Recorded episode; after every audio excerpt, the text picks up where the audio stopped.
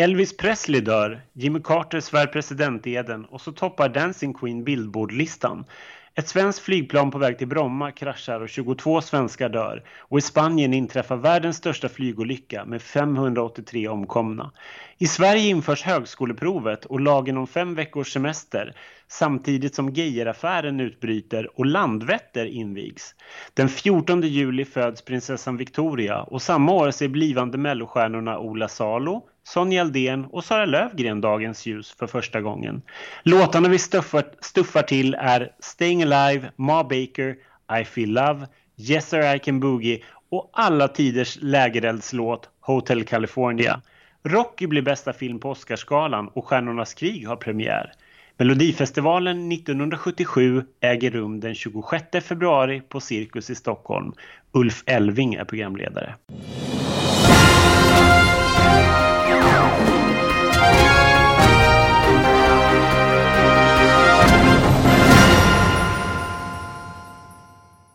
Hej allihopa och välkomna till ytterligare ett avsnitt av QX Schlagerprofilernas podcast. En podcast där vi pratar och dissekerar en enda melodifestivaltävling. Eh, de som gör det är fortfarande Schlagerprofilerna alltså och de heter fortfarande Ken Olausson och Bo Diddley! Jag vill alltid säga något roligt där, men jag, jag heter fortfarande Ronny Larsson. Man kommer inte riktigt ifrån det tyvärr. det är lite, lite jobbigt att komma ifrån. Och i det här avsnittet så ska vi ge oss på någonting som vi aldrig har gjort förut. Vi ska nämligen gå så långt bak i tiden Eh, som vi bara kan, höll jag på att säga. Nej, men det är längst bak i tiden vi har gått och det är första gången vi ger oss in på 70-talet när vi ska prata om 1977. Och jag misstänker att du inte har sådär jättemycket om minnen från 1977. Nej, här vill jag säga Dorothy, we're not in Kansas anymore.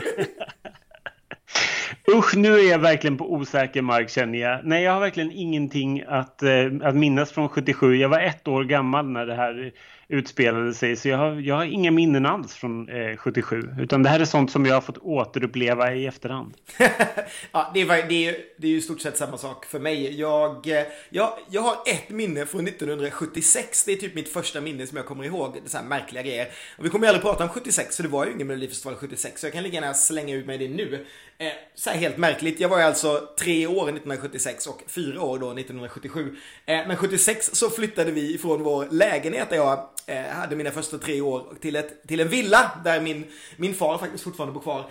Eh, och då skulle jag för första gången få ett eget rum. Men jag kommer ihåg att min mamma satte in min syrras leksaker i mitt rum också, vilket gjorde mig otroligt vansinne och jag fick berätta för henne att jag har minsann ett eget rum nu och då fick hon flytta ut det i syrras rum då som var typ en kvart gammal. Nej, hon var ett år då, min syster. Hon heter förresten Jenny efter Jenny Jenny 1975.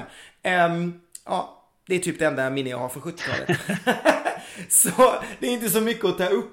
Men det krävdes en del övertalning för att få in dig på 70-talet. Var så här bara en snabb, var, var, det lika jobbigt som du tänkte? Om vi bara tar det redan så här lite allmänt innan. Ja, ja. jo, både ja och nej ska jag säga. Jag tyckte att den här, den här Melodifestivalen som vi, har, som vi, vi kommer att dissekera här eh, var ju ganska lätt egentligen att ta sig igenom. Men jag kan ju inte säga att, att musiken var speciellt festlig. Nej, men det, det tror jag är min stora tanke också över det här. Det, det var ju inte så, alltså, det var inte jobbigt på något sätt. Det är bara det att man inte hittar några låtar kanske som man tycker är kul. Musiken lät ju väldigt annorlunda i festivalen. Eh, ja, innan 80-talet skulle jag väl säga, eller i alla fall runt den här tiden. Eh, jag, jag, tror aldrig att vi kommer våga ge oss in så mycket tidigare än det här. Ja, I alla fall inte in på 60-talet tror jag inte det kan bli. Men vi får väl se eh, i den här serien. Men vi kastar väl oss bara rakt över Melodifestivalen ja, det 77. Jag, absolut. Jag tycker det. Det här är ju då lite bakgrund. Det är alltså comeback efter ett års uppehåll. Sverige vann, vann ju som bekant 1974 Eurovision med ABBA. Vi eh, hade Eurovision i Sverige 1975. Vi skickade Lasse Berghagen och så vidare. Eh, med en jäkla massa protester som följd. Och sen hoppade vi över 76. Officiellt för att det var för dyrt, eh, har jag för mig. Men nu när vi kommer tillbaka 1976 så hade ju EBU infört den här regeln om att alla ska betala medlemsavgift och hjälpa till då eh, det här landet som vinner så att det inte skulle bli så speciellt dyrt. Och då tyckte Sverige att då var det dags att komma tillbaka, typ. Vilken snål attityd från Sverige tycker jag. ja, det var det. och det är också hela den där grejen med att det var för kommersiellt och grejer. Jag tror att liksom, det är väl därför som Elving börjar med att dra något så här syfte. Att det, ja, det här är, en, det är ett program initierat av Eurovisionen och den är gjord för att den ska stimulera svenska låtskrivare och textförfattare. Och sen så betonar han verkligen att det här är en tävling i populärmusik som är mycket för att den ska underhålla oss som tittar och bla bla bla. Lite som att Ja men du vet, det är så här, förväxla inte det här med riktig musik utan vi vet att alla ni som håller på där och eh, mera träd, gräs och stenar utanför liksom eh, gör någonting annat. Ungefär. Ja, det, fast det är ändå lite så här, det är lite speciellt just det här med att det är väldigt så här slager, slagerifierat på något sätt att man har gjort den här klipp och klistra kulissen i blått och glitter. Liksom. det, det, känns, det känns väldigt budget och väldigt billigt liksom. Um, och eh, jag tycker det är lite härligt här att han, nu har vi gett oss in i, i programmet på något sätt eh, som då äger rum på, på Cirkus. Och ingenstans har, har jag läst det här, men det läste jag i kvällstidningarna eh, att programmet spelades in på lördags eftermiddagen. Att det här var liksom inte direkt sänt. Jaha. Ja. Det är intressant. Ja, precis. Nu tror jag i och för sig att det kan ha varit så att eh, låtarna spelades in eh, på lördags eftermiddagen och sen det här an den andra delen kan ha varit direkt sen möjligtvis. Men eh, för tydligen så hade de så problem och tog om flera gånger och så, speciellt med Lena Andersson som tydligen var jättenervös liksom, som var den första artisten i programmet. Men jag går händelserna lite grann i förväg. Det är mycket möjligt att det var så i alla fall. Ulf Elving tycker jag är väldigt laid back i sin, i sin style. Det är så härligt när han liksom hälsar välkomna och det är liksom pianobarsmusik i bakgrunden när han presenterar hela upplägget. Ja, men precis. Eh, det är lite så 70-tals porrfilmsfeeling. Det är så hiss, hissmusik bakom liksom. Alltså så fort han börjar prata så bara kör orkestern igång med lite musik bakom. Det är så jättesoft. Oj, jag glömde ju faktiskt. Har du, har du försökt läsa på någonting om 70-talet i tidningen? Eller det är ingen idé va? För det var ingen som skrev om tävling på den tiden, eller? Jo då, det, skrev, det skrevs lite grann faktiskt. Eh, inte jättemycket. Det var väl några sidor och det var väl typ på, på fredagen och Eh, Eh, på lördagen. Eh, Expressens Hans Fridlund har någon lång, lång utläggning om att han satt i juryn 1969 och, och, att Svenne Hedlund envetet höll på Jan Malmsjö medan alla andra höll på Tommy Körberg. Nu vann ju Tommy Körberg i, i, eh, i slutändan i alla fall. Men eh, Svenne Hedlund vek inte en tum för han visste att det var Hej, att Hej Clown var skriven av Benny Andersson. Vilket jag tycker var så här jätteroligt att han, han liksom hade inside information. Fusk-Svenne! Fusk-Svenne, precis. Eh, sen var det tydligen nytt för i år att jurymedlemmarna får, eh, fick se artisterna i rutan. Det hade de inte fått göra tidigare om jag har fattat allting rätt.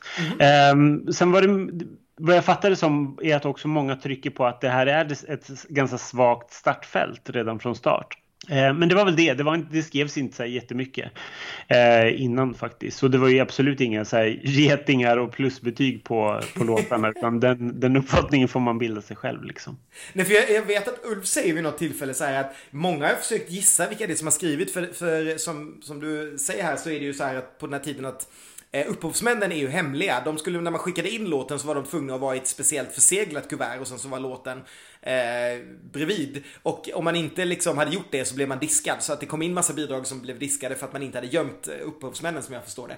Eh, mm. men, men när Ulf då säger vid något tillfälle så här, många har försökt gissa, det måste ju vara att liksom om det nu inte är pressen, det var, då, det var de på plats då möjligen som har försökt gissa, för någon annan har ju inte hört låtarna. Så det är så här, jaha, ni kan försökt gissa. Nej, precis. Skvallret i kulisserna. Jag har läst på lite här, det skickades in 1103 bidrag. Eh, vilket var en ökning med 103 bidrag från 1972, när det förra gången hade varit ett allmänt inskick. Men bara 965 av dem skickades vidare eftersom de andra då hade diskats på grund av att de inte hade följt alla de här reglerna som eh, de hade skickat med. Yes, Ulf då? Vad tycker du om honom genomgående? Nej, men jag tycker att han är, jag tycker att han är bra. Som jag, som jag sa tidigare så tycker jag att han är ganska, att han är väldigt stadig och trygg. Och det jag framförallt gillar med det här nu när jag skulle sätta mig med så 77 med, med djupsuck. Det var ju att vi väldigt snabbt kom in i själva tävlingen. Det är inte så mycket lullull utan han går han berättar liksom hur det här kommer gå till och sen sätter vi igång med låtarna och så, och så vips kommer första låten. Det är liksom inga artistvykort, det är inga presentationer av låtskrivarna av naturliga skäl då det, vi går rakt på sak och det tycker jag Ulf Elving gör med väldigt eh, stadig hand. Mm, han är, jag, jag, känner också att han är väldigt mycket klassisk programledare. Det här, jag, jag, vet att det finns liksom en liten falang när man följer så olika fanbloggar och sånt som vill ha riktiga programledare. Jag har alltid lite undrat vad, vad det betyder, i alla fall i dagens tv-klimat, vad liksom som är en riktig programledare. Men, men jag mm. antar att det är människor i vår ålder som minns sådana här program. När det står någon bara rakt upp och ner, trevlig, effektivt, kunnigt, rabbla fakta, försöker vara lite rolig men inte verkligen inte liksom dra några långa skämt utan bara kör på mm. liksom. Och det är väl, det är väl helt okej. Okay. Ja, som du säger, det, det, går ju ganska fort. Han presenterar kvällens kapellmästare som är Lasse Samuelsson, som jag också har läst på lite om. Han verkar vara liksom eh, Berglund av sin tid, om man säger så. Han hade eh, gjort en hel del melodifestivaler under 70 och eh, sen också under 80-talet. Eh, han dirigerade faktiskt Svenska bidraget tre gånger i Eurovision 1969, 1975 och 1979 då, två efter det här. Mm -hmm. ja, det är ganska, jag måste bara säga om just Lasse Samuelsson. För jag, jag uppmärksammade ju honom när man har sett hela programmet för att han eh, dirigerade ju flera av låtarna. Eh, det är jätteroligt att han dagen efter det en av kvällstidningarna säger att det här var det st svagaste startfältet han kan minnas. och, det, och det här är ju lite roligt för det finns ju en liten anledning till att vi just har plockat 1977 nu när vi skulle ge oss in på 70-talet. För att just det du säger, det är ju ansett som kanske ja men om inte den sämsta, som en av de sämsta melodifestivalerna mm. genom tiderna. Som sen fick fram en av de sämsta och den sämst placerade vinnaren eh, av svenska bidrag genom tiderna. Så det är ju, det, det är ju lite, det är ju den, den, det täcket vi har över oss när vi nu kastar oss in i de här bidragen. Ja, och låt oss göra det, för nu är jag så himla... Sugen! Dissekera allt ifrån Lena Andersson via Greta och Malou till just Forberg. Absolut! Och då börjar vi såklart med låt nummer ett med just Lena Andersson. Den heter Det bästa som finns och den är skriven av Kenneth och Ted Gärdestad. Det bästa som finns är bofinkens sång Nyslaget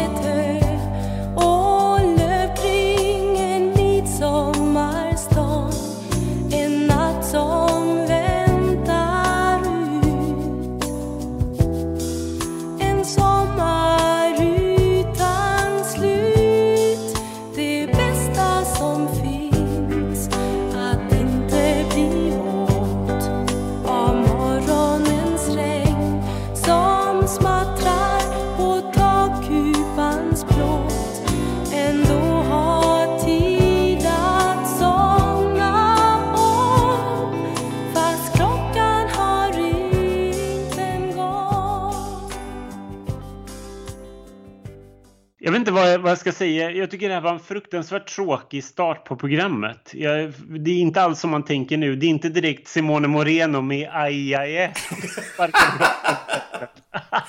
Det är ingen gosa om man säger så. Nej, det är bara så här, den bara pålar förbi om liksom någon så här fin söt melodi där hon nämner liksom olika vardagssekvenser som är värda att uppmärksamma eller som är värda att njuta av i vardagen. Eh, jag tycker att det är en väldigt så här, seg och sävlig start. Eh, ja, jag vet inte, det är ju inte en av Ted och Kennets bästa låtar direkt tycker jag. Eh, och nej, jag vet inte, det, det, finns inte, jag har inte så mycket att säga. Jag tycker att det, det är ganska intetsägande faktiskt. Det jag kan säga är att det, det, det här är då Lena Andersson som var 21 år här, när hon medverkade eh, och hon var då Doa till ABBA och eh, åkte runt med, med eh, ABBA på turné eh, vid, vid den här tiden. Och att hon var väldigt nervös den här dagen tydligen.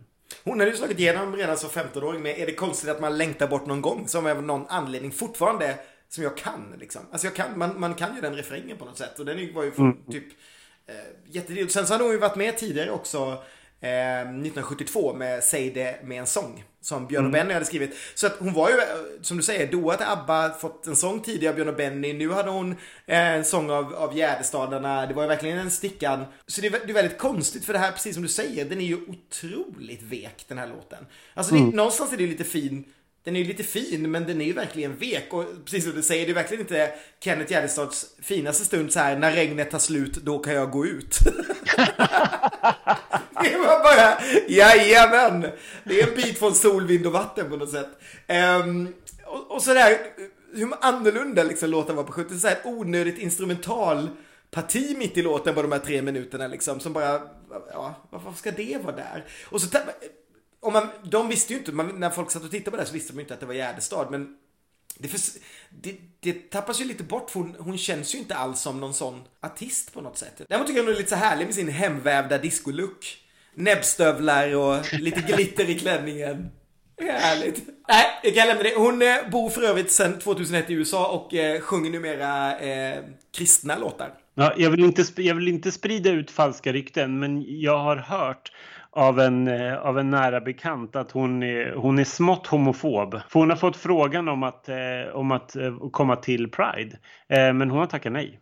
Jaha, då tycker jag vi lämnar låt nummer ett snabbt som ögat. Lena Andersson är absolut inte det bästa som finns. Exakt! Utan vi lämnar dem för eh, ett gäng som eh, faktiskt har varit på Pride med den äran och som är lite av en schlagerprofilerna eh, favorit, mycket på grund av en gemensam vän till oss. Eh, vi pratar såklart om låt nummer två, den heter Åh vilken sång, den framförs av Greta och Malou och den är dessutom skriven av Greta Zachrisson och Malou Berg.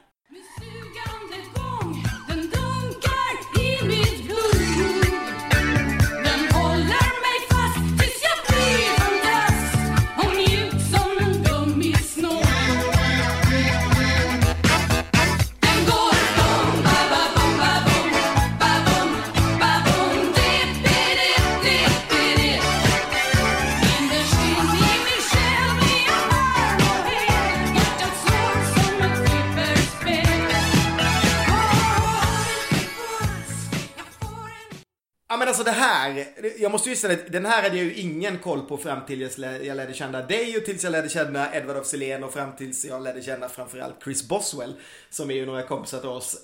Um, han fick väl dessutom Edward nästan att ta den här låten till, till Pride för att det här är Chris liksom en av hans stora favoriter genom tiderna. Och, eh, det, var, det var en mycket lycklig stund, det är ett fint minne fortfarande tycker jag. Jag älskar den här låten sen dess kan jag säga.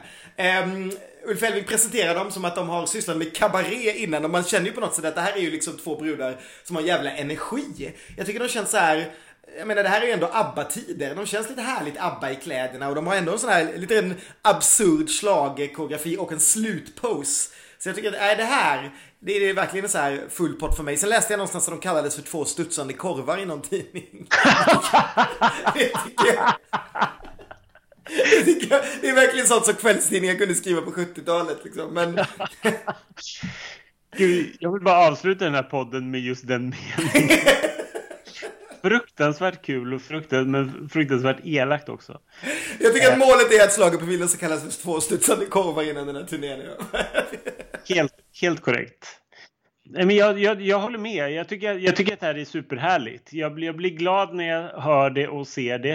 Eh, en del av mig är lite så här, det är lite kanske för, för teatralt Eh, vet du, vad heter det, kabaré-teatralt för, för mig personligen. Så att jag, att jag skulle lyssna på det. Men jag tycker det är väldigt härligt för att, för att vara med i Melodifestivalen det här året och den här tiden. Det här hade ju varit en mycket, mycket bättre låt att starta festivalen med. Eh, om jag hade fått bestämma upplägget. Antagligen så är det här lottat eller någonting. Men jag, det hade varit mycket roligare att starta med det här. Eh, och jag älskar de matchande outfitsen. Det känns verkligen så här, eh, jag vill ge det här A for effort.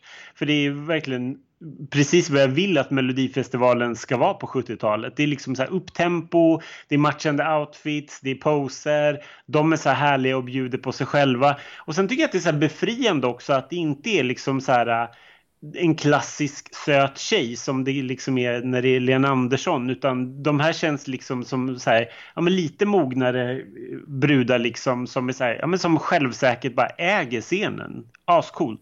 Ja, jag håller med. Eh, 100 procent. Jag har en känsla av att det här är en av de, eh, rakt ut killgissande, en av de bästa eh, två som har gått ut som nummer två i Melodifestivalen. Eh, det är ju numera ett väldigt eh, klassiskt nummer för någonting helt annat, men det här tycker jag är bara så ljuvligt. Jag tycker det är så ljuvligt så jag tycker att du ska ringa upp någon av de här studsande korvarna och prata lite med dem. jag, jag, jag, vill höra mer. Så jag tycker, tar, jag tycker, du, jag tycker du tar och ringer Malou. Jag ringer Malou. Jag hade först tänkt att snurra på min snurra här och, och, se vart pilen pekar. Blir det Greta eller Malou? Så vi får se var jag, var jag hamnar.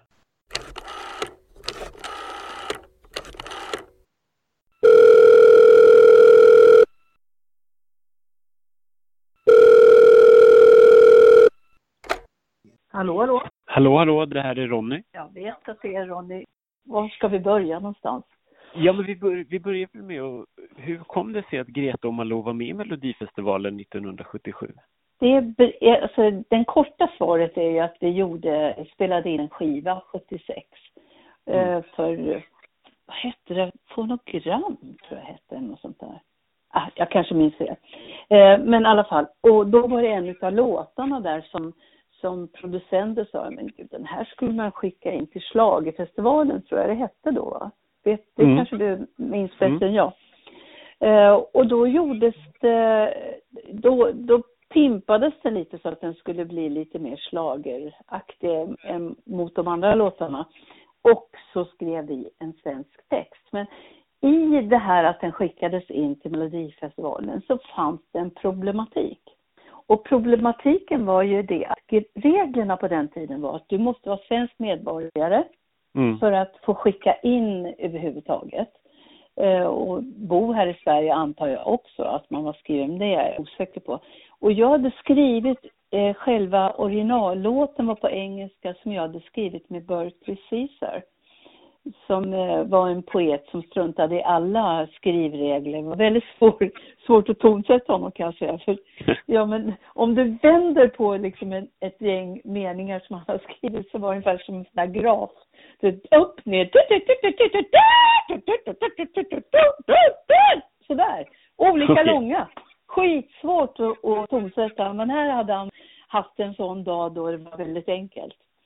Och då var det så han kunde inte stå med va. Så det här var ju rent, eh, det var ju lögn och bedrägeri. Ehm, det var en låt utav en som icke var svensk medborgare men han bodde och levde i Sverige så många år. Mm. Så att eh, det, det fick göras en, en överenskommelse, liksom en hemlig överenskommelse med honom att han inte stod med. Eh, det var Greta och jag var ihop med en, en annan textförfattare som heter Susie Heine som som skrev den svenska texten som ju egentligen var en översättning okay. eh, utav, utav den engelska eh, i grundidén och så. Och Berkeley fick eh, betalt liksom för, utav skivbolaget antar jag. Okay. Ja, så, och vi visste ju om det att, att skulle det där komma fram så skulle vi bli diskade. Mm. Men det, man kan säga att det är preskriberat.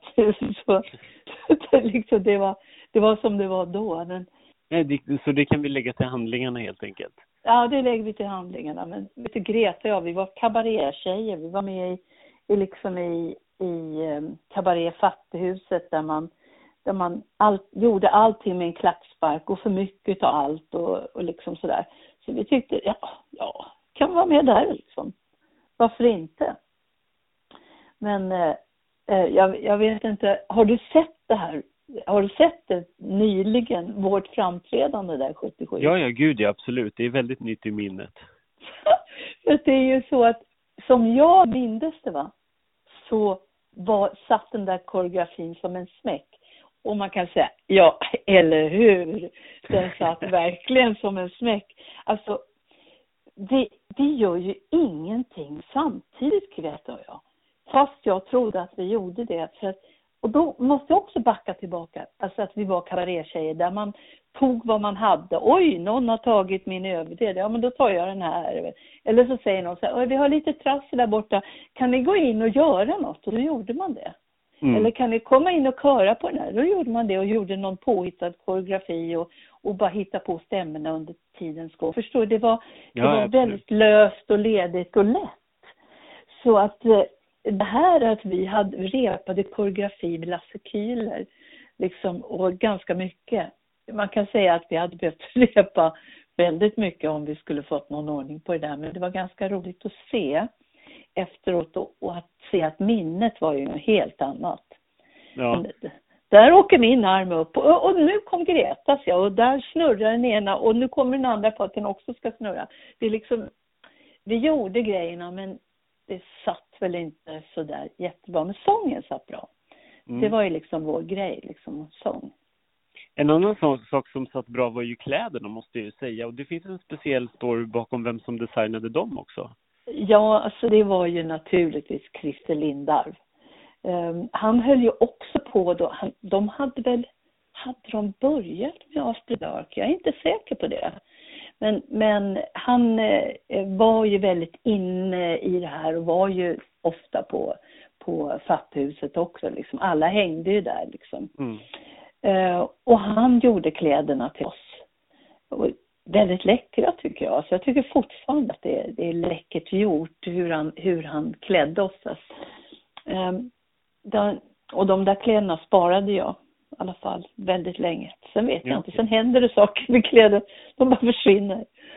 Ja. Nej men du, de var snygga. Mm. Ni, ni hamnade ju på en hedervärd fjärdeplats. Blev, var ni besvikna över det resultatet eller kände ni att det var ett, en framgång? Nej, vi var jättebesvikna. Du får tänka, vi var ju liksom unga sådana här. Vi, vi hade ju redan erövrat världen, tyckte vi. Mm liksom unga, glada, entusiastiska. Vi tyckte, fan, vi skulle ju ha vunnit, tyckte vi. Och vi låg, alltså man kan titta på det nu så kan man, åh, vi var ju så unga och man ser saker så annorlunda ut. Men, men eh, det var så att vi låg på andra plats till Växjö. Mm. De där i Växjö röstade. Och när de hade röstat, för de tyckte inte alls att vår låt var något bra, så då hamnade vi i slutändan på fjärde plats. Jag tror att det var några, vi fick några tior och så här också så att det har ja, du mera koll på. Ja precis, ni fick två stycken tior så att det var ju två jurygrupper ändå som tyckte att ni skulle i alla fall hamna på en silverplats. Ja, ja du ser hur, hur det kan vara.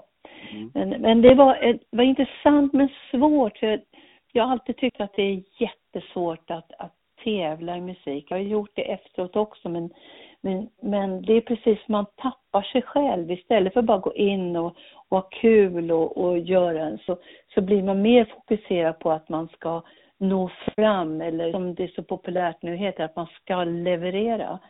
Um, men musik är ju så mycket glädje och entusiasm och det, det är så mycket mer än så. Och mm. jag hade någon sån där idé om att åh vad kul att få träffa alla de andra där.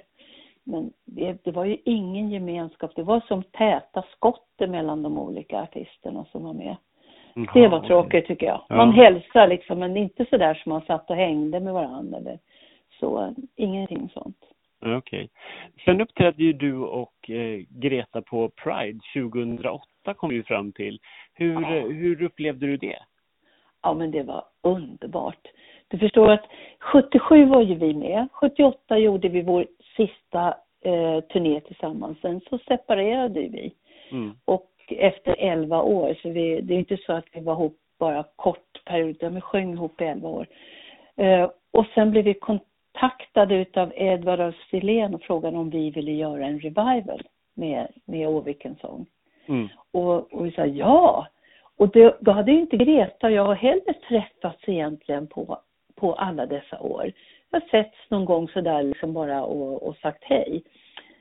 Och så då när vi träffas och ska repa första gången, jag blev liksom helt knockad.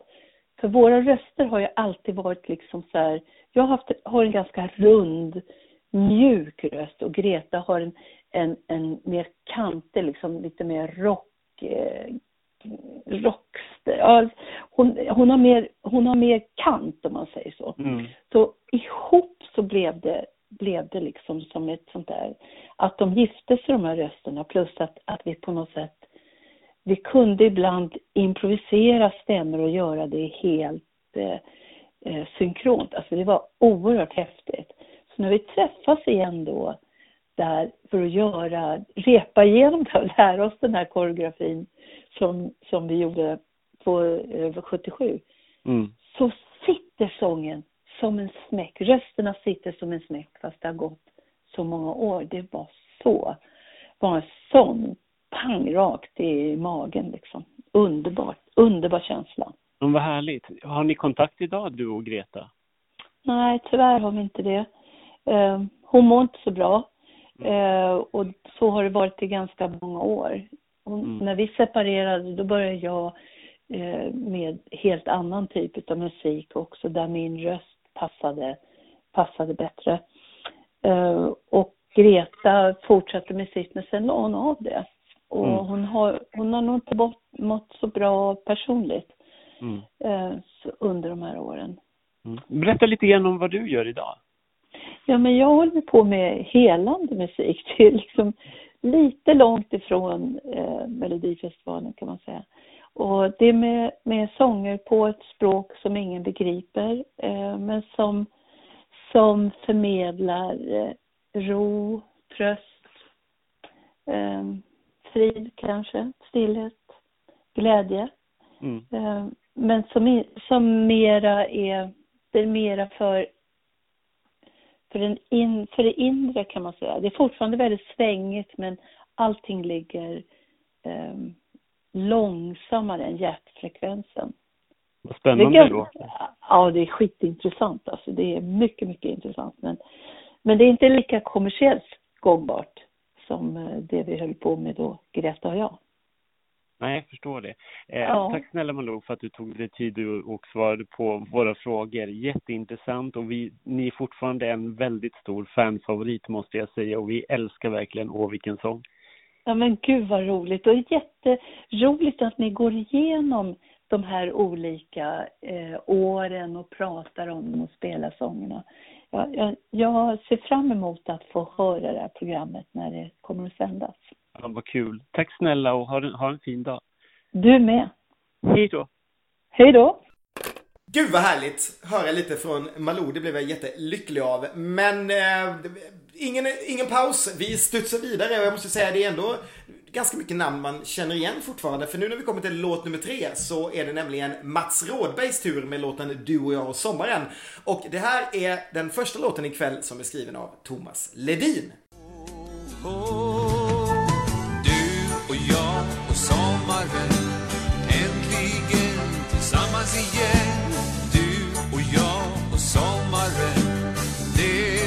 Enkla förklaringen. Du och jag och sommaren. Sommaren. Du och jag och sommaren Sommaren, sommaren Så här skönt har vinden aldrig smekt Ja, Mats Rådberg, vill du börja peta in en pinne i den här brasan? Ja, det, det, jag har i mina noteringar här har jag skrivit att det här var ju just ingen peta in en pinne i brasan som jag för övrigt tycker är en väldigt härlig låt. Eh, jag tycker den är, den är väldigt lik den första låten av Melena Andersson tycker jag. Det är lite så här samma stuk. Det är så här, båda två sjunger om sommaren och det är så ganska lugnt och fint och Ja, väldigt, väldigt intetsägande. Det tycker jag, måste jag säga, är slöseri. För jag tycker att han är, han är rätt skön. Jag tänkte att så här, det här är någon som, som fick ligga på 70-talet med en sedan. Ja, oh, gud. Porrmusch rakt av, kan jag säga. Ja, verkligen. Eh, Mats Råberg var, var vid den här tiden, han och rankarna körde ju på ordentligt och eh, spelades, eller var i USA och spelade en del. Så han var ju också lite grann ett så här, ett, ett hyfsat känt namn får man väl säga. Eh, så jag tycker, jag tycker bara att det är slöseri med, med den här urtråkiga låten. Ja, det är lite konstigt, jag håller med dig. För det här är ju inte country alls. Och det var ju det han gjorde, att han hade varit i Nashville och hela den här grejen. Eh, det här är mer Lasse Berghagen, skulle jag säga. Alltså en dålig Lasse Berghagen-trall. Mm. Och, och det, det, är ju lite tydligt att ja, Ledin fick med tre låtar och så tog han såklart sin favorit själv. Och så var ju någon annan tvungen att ta de andra låtarna och då blev det Mats Rådberg. Och precis som du säger, det här är samma problem som Lena Andersson-grejen. Det händer ju ingenting. Det bara pågår. Mm. Den börjar och så är det liksom lite fin, men eftersom ingenting händer så är det bara som ett rakt streck. Och det är liksom, det är så långt ifrån eh, vad vi är vana vid nu när det ska vara tre minuter där det måste hända saker hela tiden.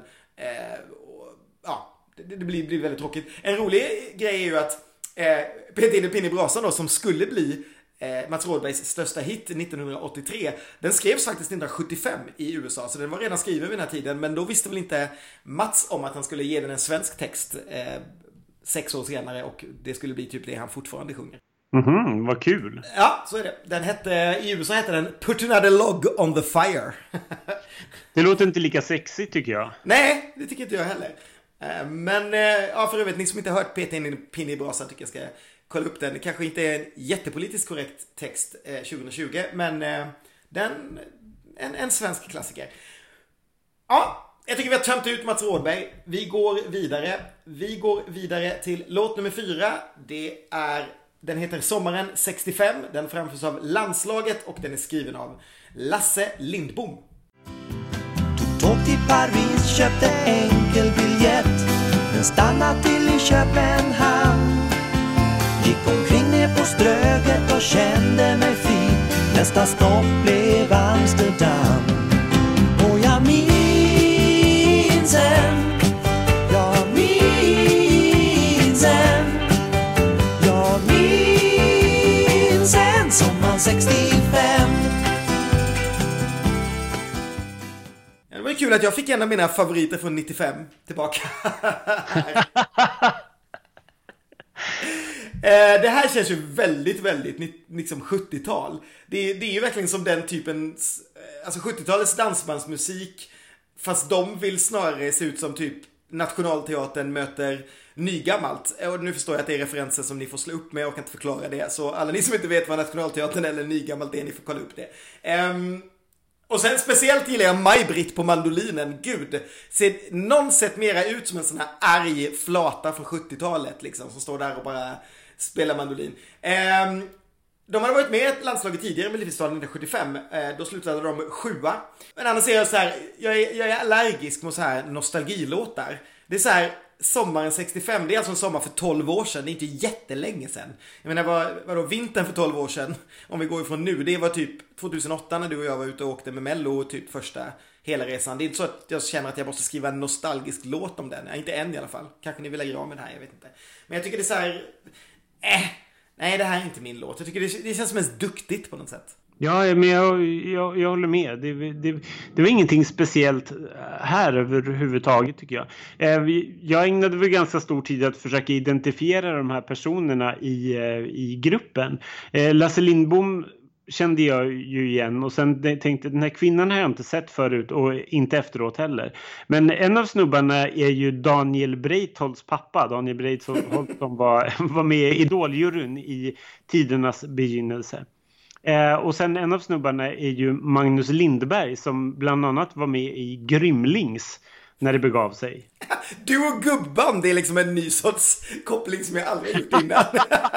Ja, det tycker jag var, var rätt roligt i alla fall. Ehm, men egentligen så är ju landslaget inte så kända på senare år utan det de har fått mest uppmärksamhet för, eller som vi eh, lite färskingar minns dem för, är att de blev historiska efter att 2002 har vunnit det första rättsfallet gällande låtstöld som prövats i svensk domstol.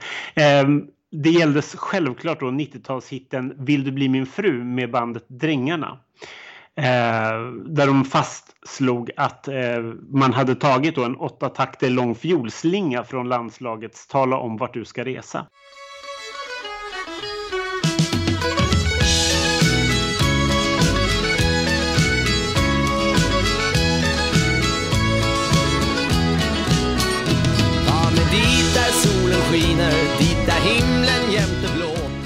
Jag sitter liksom på nålar nu och hoppas att Drängarnas mellolåt i år eh, har snott från sommaren 65. Woho! Vilken hit!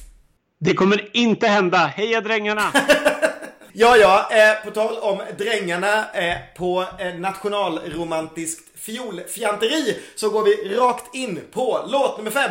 Den heter Ola med fiola. Den framförs av Kenneth Greutz och Erik Öst och den är skriven av Karl Gerhard Lundqvist.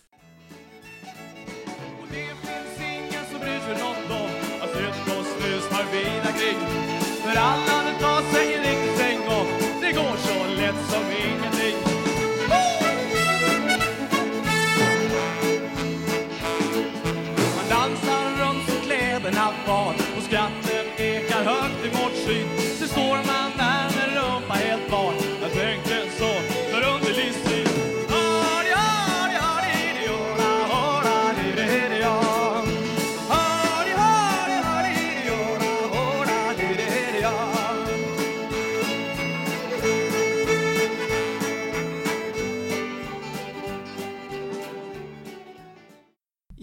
vill du börja prata om eh, dåtidens Timotej?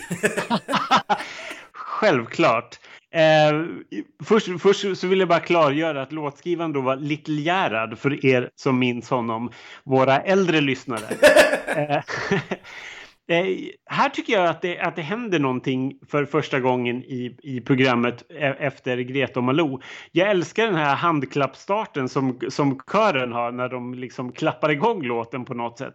Jag tycker att det här är kul för det är så här charmigt och det är eget, det sticker ut. Det här är någonting som jag på något sätt kan se har liksom fortsatt sig vad säger, i nedåtstigande led. När man plockar med så här eventgrejer på något sätt som är, som är mer än en låt. Det här är liksom ett, ett koncept som jag tycker är ganska kul.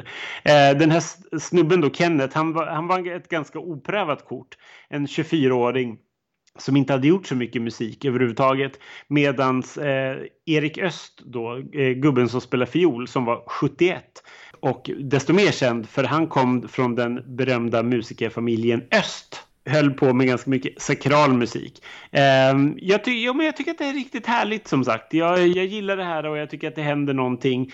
Uh, och jag har skrivit bäst hittills i mina anteckningar. Oh, hej och hå. Uh, Erik Öst var förresten den äldsta deltagaren dittills. Han var det, så det, eh, det decenniets Ove Thörnqvist kan man säga.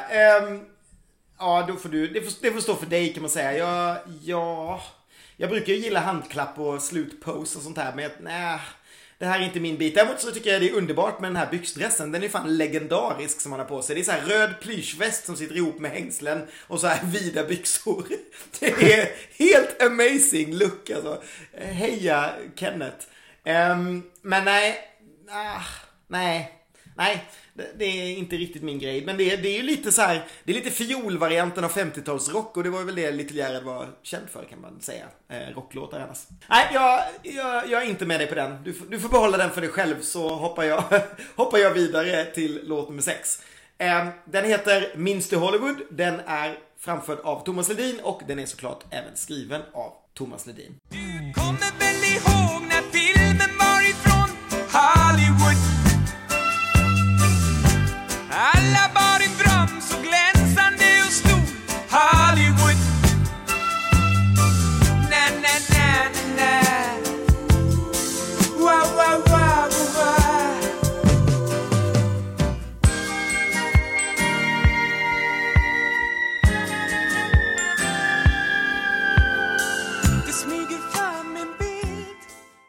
Väl jag säga då att jag tycker att det händer något. Det här är ju verkligen inte min favoritlåt i Thomas Ledins låtskatt skulle jag säga.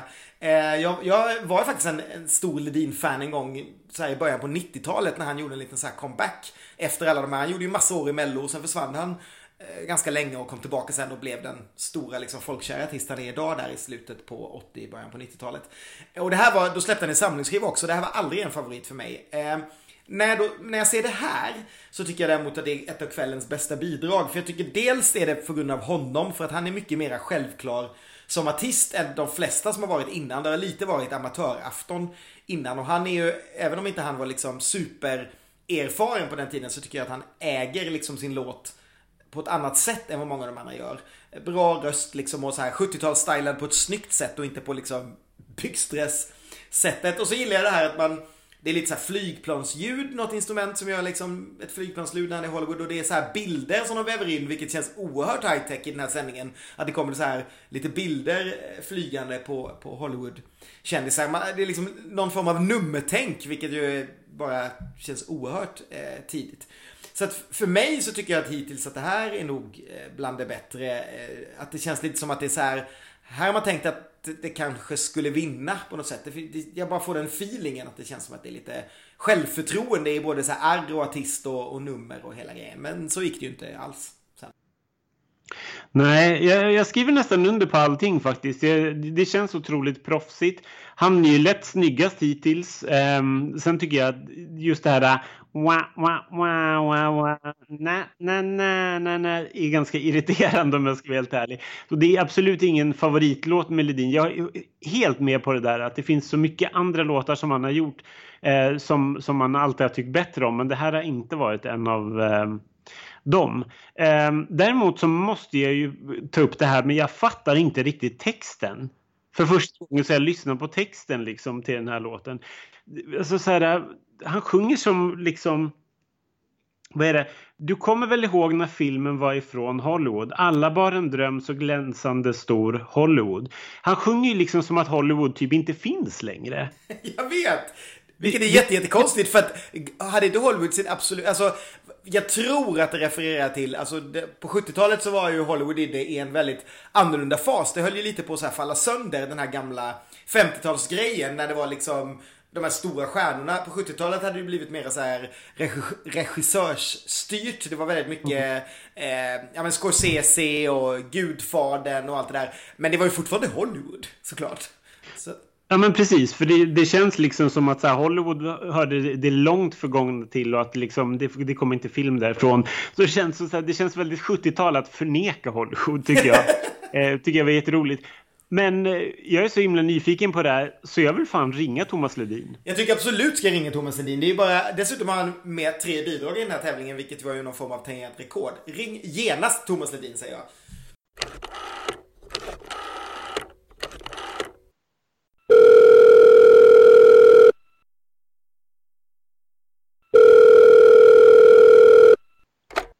Thomas! Ronny, hallå! Du, du hade ju med tre låtar i Melodifestivalen 1977. Minns du Hollywood, Charlie Chaplin och Du och jag och sommaren. Men du valde att göra min, eh, Minns du Hollywood. Hur kommer det sig? Jo, nej, men jag kommer nog ihåg att den hade jag öronmärkt eh, till mig själv. Att den kände jag att jag kunde göra rättvisa på bästa sätt. Så att, eh, det, det, det, var ett tidigt beslut. Okej. Okay. De andra låtarna, Charlie Chaplin och Minns du sommaren, gjordes ju av Eva Rydberg och Mats Rådberg.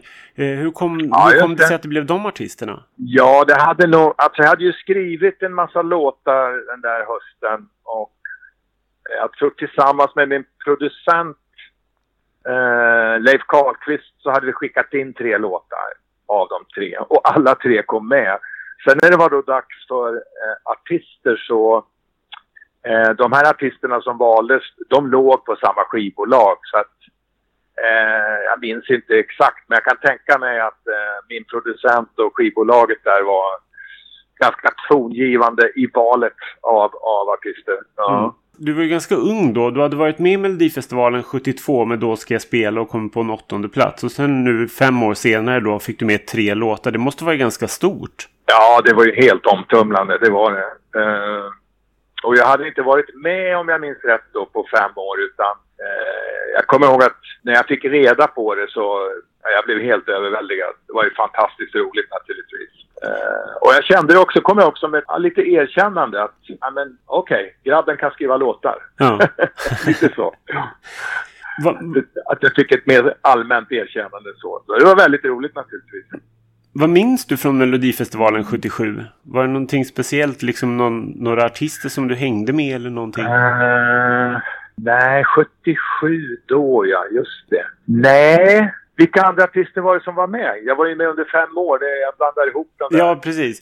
Eh, Forbes uh, vann ju och så var det Greta och Malou. Och så var det landslaget. Ja, landslaget var med. Hade en, fick en stor hit med sin låt om jag minns rätt. Ja, men precis. Eh, var det inte den gamla jukeboxen eller något sånt där? De, Nej, det var den där... Jag är osäker. Sommaren. Ja. Men du har, ju som, du har ju som sagt varit med ganska många gånger i Melodifestivalen. Och, eh, och det här var ju bara liksom mm. på något sätt startskottet. Sen fortsatte det rulla på. Efter 77 var du med 78, 79, 80 då du slutligen vann. Hade du bestämt dig för att nej jävlar jag ska fan vinna Melodifestivalen? ja, lite så var det nog. Eh, så här i backspegeln så eh, tror jag att det var så jag kände att nej fasen, jag ska eh, ta det här hela vägen. Men jag minns också att jag bestämde mig 1980 att det här är sista gången jag deltar. Så var det jag kände att jag var klar med det rent artistiskt. Jag hade lite andra... Jag kände att jag var på väg in i en annan riktning faktiskt. Mm. Ja, det är sant för du har ju inte varit med i Melodifestivalen alls. Däremot har du varit som artist ska vi säga, men du har varit med som kompositör. 89 så var ju du med med eh, Jorden är din som du skrev tillsammans med Lasse Andersson som True Blue framförde. Hur kom det sig? Ja, nej men det var nog det var tillfälligheter. Eh, jag, jag lärde känna Lasse Andersson och Margareta Maggan då. De två var ju en duo och de hade de spelade upp en låt eh, som saknar en text och jag tyckte det var en bra melodi, en, stark låt. Mm. jag skrev texten åt dem. Så, ja, det var mer, det var deras projekt. Så jag kände mig väl inte mer delaktig så än att jag eh, skrev texten. Mm.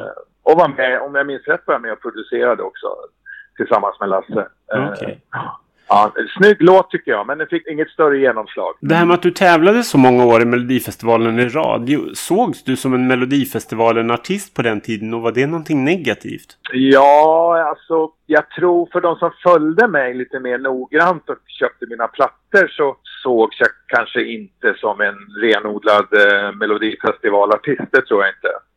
Men, men för den stora allmänheten som inte var speciellt intresserad eh, och såg mig då i Melodifestivalen så det är klart att man förknippar mig med, med, med Melodifestivalen. Alltså man ska komma ihåg att på den där tiden så såg ju musik-Sverige ut på ett helt annat sätt. Eh, det fanns inte så många scener att stå på. Det fanns inte så många möjligheter överhuvudtaget att nå ut på med musik. Så att eh, då var Melodifestivalen ett, ett, ett fönster att synas för svenska folket. Och eh, det var också en, en tid när det var ganska uppdelat. Var man med där så ansågs man inte riktigt lika finkulturell som om man ja, var proggare eller eh, valde att inte vara med. Det, det var ett bredare sammanhang. Ja. Mer slager och det är klart då, i mitt fall, jag uppfattar mig ju själv som en, en eh, singer-songwriter, en pop och rockartist, så blev det lite dubbelt naturligtvis. Jag kände också samtidigt att ja, men de här sångerna står jag för, de här tycker jag om, de är bra. Jag har inga problem med det. Eh, så för mig så, ja, det var lite dubbelt. Samtidigt då naturligtvis en, en möjlighet att nå ut och Ja. höras. Mm. Ett sätt att ta sig, att utveckla sitt artisteri helt enkelt. Mm. Så såg jag på det. Om vi går tillbaka till just Minst, minst du Hollywood. Eh, det numret var ju, var ju ganska... Det kändes som att det ligger i framkant. Att det känns ganska modernt. Just det var lite bildmässigt producerat med ikoner som flög förbi och du var ganska snyggt klädd. Vad, vad var tanken bakom det? Ja, jo, men det fanns nog en idé att försöka förstärka visuellt då, i bild vad, vad sången handlade om. Eh, och eh, jag jobbade då med, ja, vad heter han nu då? Nu tappar jag eh, namnet. Eh, en av klädskaparna som gjorde kläderna åt ABBA bland annat. Ja, Ove Sandberg. Eh, ja, Ove, precis. Han hade en idé då om att jag skulle ha en vit kostym och eh, en silverscarf och ja, ge en fläkt av, av Hollywood så att säga. Vad skulle du säga att låten Så handlar om? eh, Ja, det, den handlar ju om, eh, nu har inte jag texten eh, hela i huvudet, men som jag minns det, det är en text om, om en kille som väl jämför sig själv och den han sjunger om med, med de gamla Hollywoodhjältarna. Eh, Lauren Bacall och Humphrey Bogart tror jag nämns också i texten. Så en, en, en dröm tillbaks till en annan tid så. Du slutade ju på en femte plats. Var det en besvikelse då? Ja, jag tror jag var besviken varenda år som jag inte vann. Man ställer ju upp med den ambitionen naturligtvis. Och eh, i mitt fall så jag trodde verkligen på den här låten. Sen gick den ju väldigt bra ändå. Så att eh, det blev ju en, en i stort sett en, nå- någonting som utvecklade min artistkarriär och det blev en framgång och spelas i radion och jag, den låg säkert på 10 topp också, eller, eller Svensktoppen om jag minns rätt. Så Mm. att, eh, det var ett, ett steg i rätt riktning på många sätt, absolut. Mm. Du sjunger den låten fortfarande, för det är ju en stor hit som verkligen har satt sig hos folk. Men eh, ingår den liksom i din... Har den ingått i dina set de senaste åren? Ja, jag sjöng ju den då på 70-talet naturligtvis. och, eh, Mm. Under några år där, slutet på 70-talet. Sen under många, många år, flera decennier skulle jag säga, att jag inte sjöng den. Ja, okej. Men sen så eh, var det nu en tre, fyra år sedan som eh, jag plockade upp den. Och, nej, men det är en stark melodi och eh, den har sin charm helt enkelt. Så det, jag gör den gärna. Ja. Och den kanske får en ny revival nu när den också figurerar i en del av mitt hjärta. Ja, den är ju med på ett hörn där. så det är väldigt roligt tycker jag, verkligen. Har du någon gång tänkt att du skulle ställa upp i Melodifestivalen igen? Efter de här åren? Nej, jag har känt att jag är klar med Melodifestivalen. Eh, Jag har väl haft några... Frågan har dykt upp och jag har tackat nej. Eh, Kanske mest för att jag, jag för mig och som vad Melodifestivalen betydde för mig var att jag var en eh, ung eh, artist som ville nå ut och eh, jag ser fortfarande på Melodifestivalen som ett forum för nya talanger.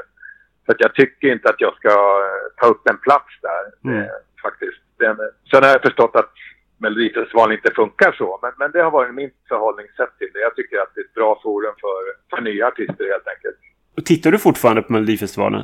Nej, det gör jag inte. Men jag, eh, alltså inte så att jag följer det så. Nej. Eh, Men jag brukar väl eh, se när, när jag- finalen kanske man tittar.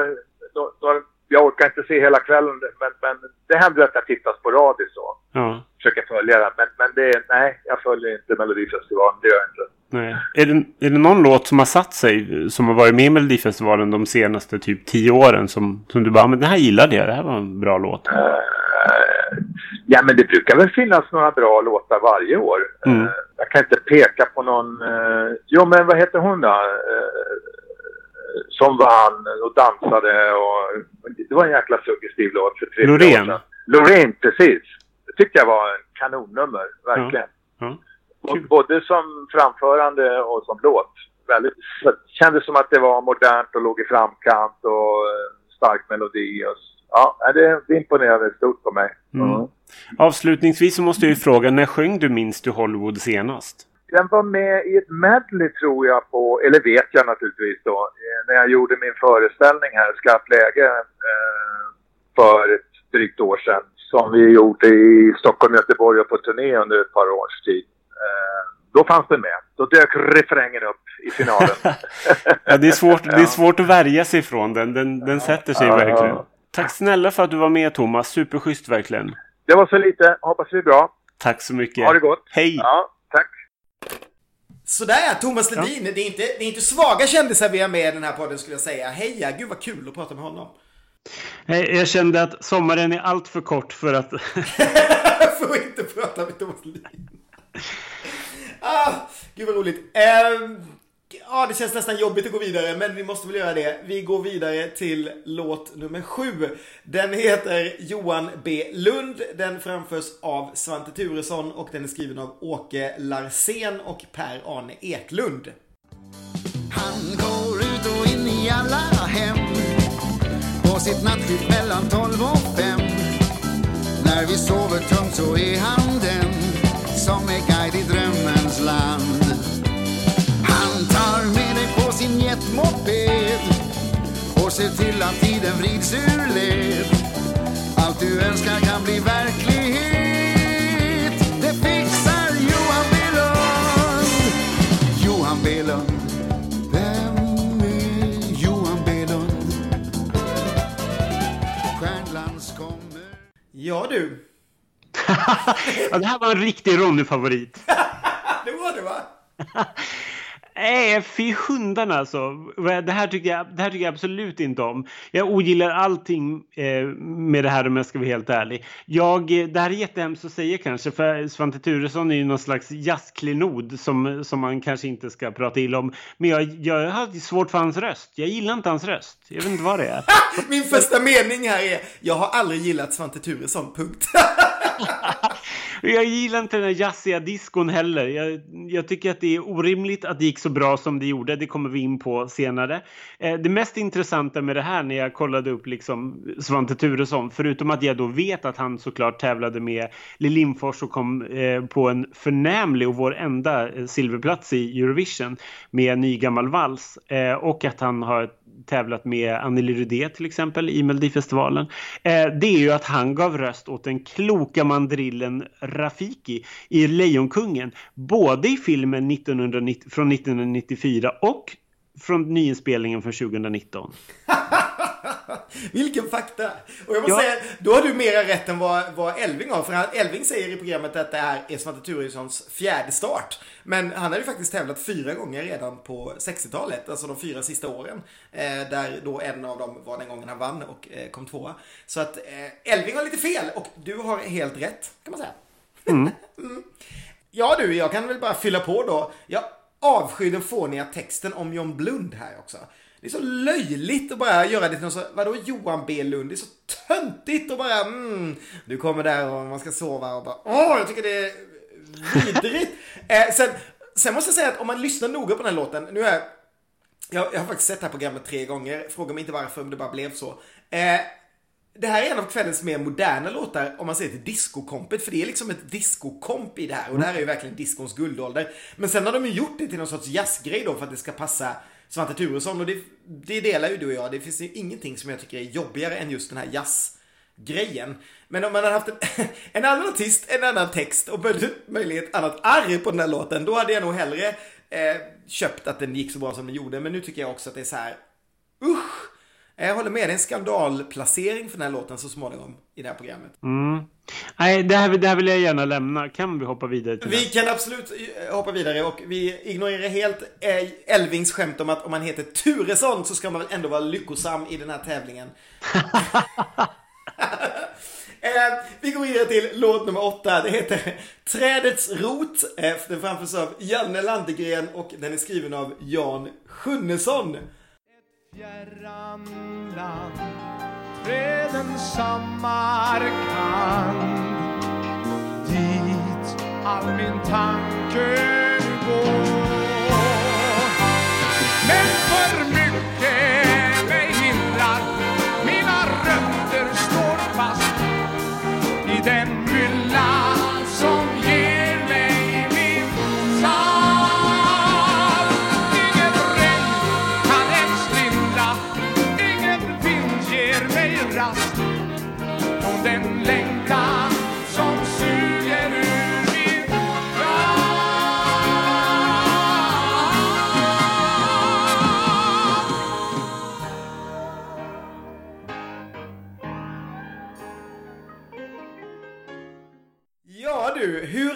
Kan det bli när man sjunger om att man är ett träd? Va?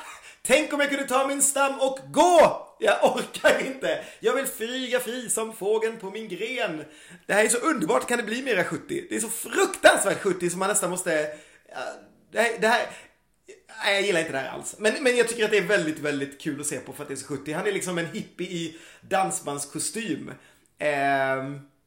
Ja, jag, jag glömmer det gärna, men just det där att sjunga om att man är ett träd, det är väl så härligt. Jag, jag håller helt med. Jag glömmer också det där. Gud, vilket tråk. Det här, det, här, det här var precis det jag befarade när, jag skulle, när, när du ville utsätta mig för 1977. Men det här är ju allt man tror att 70-talet är. Det sitter liksom en människa på en stol och sjunger om att han är ett träd. Och det blir ännu värre med den där fruktansvärda frisyren. Fy vad hemskt det här är. Usch. Och sen, så, sen, sen kommer den här sjukan också som jag, som, som jag stör mig på så otroligt mycket när vi ser de här äldre melodifestivalerna. Det är att vissa låtar är så fruktansvärt förutsägbara så att man kan ägna sig åt att lista ut rimmet innan han sjunger det. Ja, men, Man vet exakt vilket ord som ska komma. Eh, nej, usch. Jätte, jättetråkig låt tycker jag. Det här tycker jag... Här, just när jag hör den här låten så förstår jag ju att man tyckte att det var ett mellanår och att de inte riktigt hade hittat formen efter nedläggningen 76 liksom. Ja, nej det här, jag, jag håller med. Det här är verkligen, för mig är det också verkligen eh, satsfältet absolut mest, jag tror nog att det är den, den sämsta låten eh, för mig. Um, Janne Landegren förresten, han blev sen sångare i eh, Ingmar Nordström som fick en hit med Gösta Gigolo. Eh, mhm. Eh, Det ligger själv, då får man sjunga om det. Taskigt för dansband att ha någon som inte har ett fördelaktigt utseende som eh, sångare. Ja, nej, vi lämnar det här. Men, men eh, verkligen, nästa gång vi bedömer mellolåtar så kommer jag alltid använda referensen att de åtminstone inte sjunger att de är ett träd. Eh, eller vem vet? Det kanske Anna Bergendahl gör i år. Vad vet vi när vi spelar in den här podden? Det vet vi ingenting om. Eh, vi går till låt nummer nio istället. Den heter Charlie Chaplin. Den framförs av Eva Rydberg. Och återigen, för tredje gången ikväll, är den skriven av Thomas Ledin. Du ville bli en skådespelare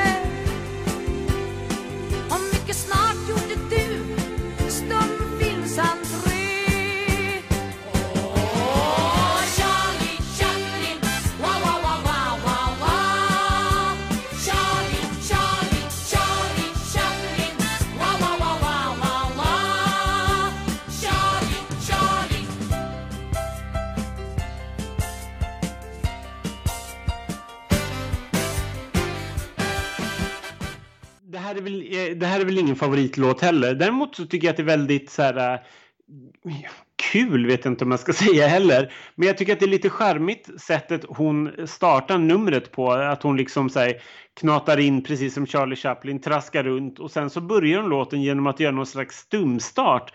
Där, där liksom hon, hon låtsas sjunga. Är det inte så? Mm. Mm.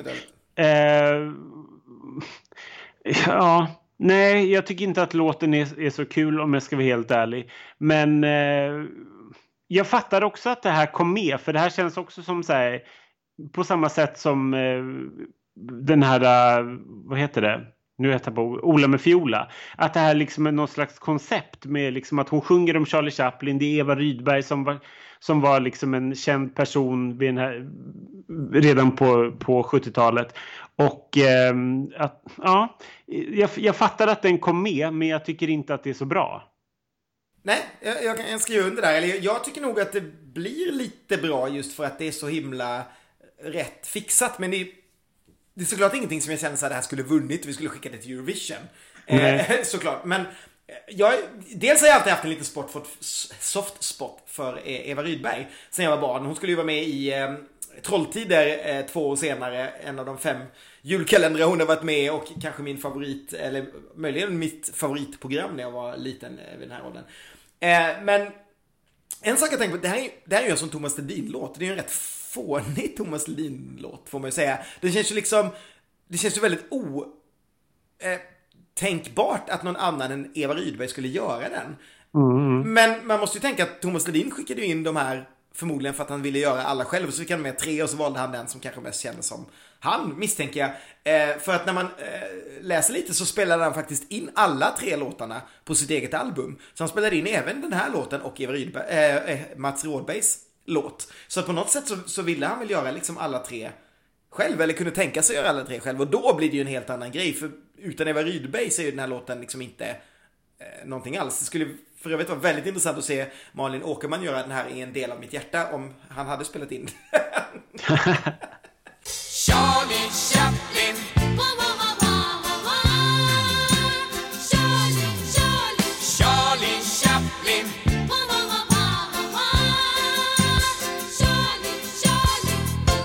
Men, eh, ja, nej men så här, jag tycker fan det funkar här. Bra energi, men som sagt ingenting jag skulle vilja skicka till Eurovision. Men det är fan inte mycket i den här tävlingen som jag skulle vilja skicka till Eurovision. Å andra sidan. Så eh, det, det är nog ändå en, en tumme upp för mig eh, sammantaget skulle jag säga. Ja, men jag tycker också det. Det är liksom det. Hellre, hellre att det är liksom så här knasigt och lite och att det sticker ut om man kommer ihåg det än liksom såna här menlösheter som, eh, som trädets rot. Liksom. Åh, åh trädets rot. Ja. Mm. Vilken fruktansvärd titel. Man kan, kan liksom inte komma över det. Eh, men, eh, men jag tycker vi lämnar Eva och Charlie och går direkt på någonting större. Ja, det tycker jag också. Eh, Charlie som för övrigt inte skulle komma tillbaka i en låttitel förrän eh, långt senare. Men det är en annan deltävling. Tävling. Ehm, då går vi in på sista låten i startfältet. Den heter Beatles, men ska framföras av Forbes och är skriven av Sven-Olof Bagge och Claes Bure. Farfars far kan ge svar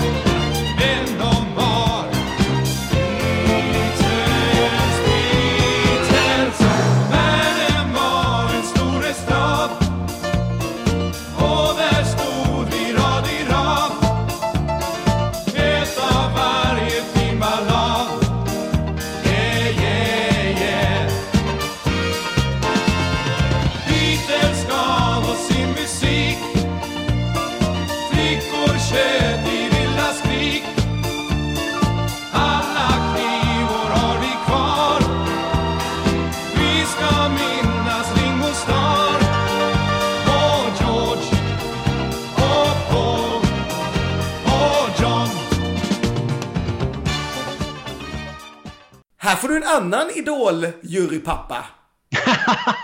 ja, för det här, den här skrevs ju av Anders Bagges pappa. Ja, visst gjorde den. Så konstigt. Två idol-jurypappor i samma deltävling. I samma final. Hade vi haft en låt nummer 11 då hade vi fått en skriven av Kirsti Tomitas mamma. vi säkra på att Kirsti Tomitas mamma inte är hon Maj-Britt i landslaget som spelar mandolin? Ja, det är mycket möjligt. På något sätt kan man väl ändå säga att det här är att det, att det är ändå är tre stycken idolkopplingar med tanke på att det här är ju Laila Bagges ex-svärfar. Ja, gud. Um, ja, bland, bland alla de här då hyfsat rutinerade artisterna så var det ändå liksom ett, en av nykomlingarna som drog det längsta strået. Det kan vi väl avslöja redan nu, för det är väl ingen som har missat att det här är den låten som eh, vi sen skulle skicka till Eurovision. Alltså, okej, om jag börjar här. Det här, om jag ska ge den någonting så är den ju liksom en lite, det är ju en svängig låt och ganska ooriginell dansbandslager och det får man ge den med allt vad positivt och negativt det innebär liksom.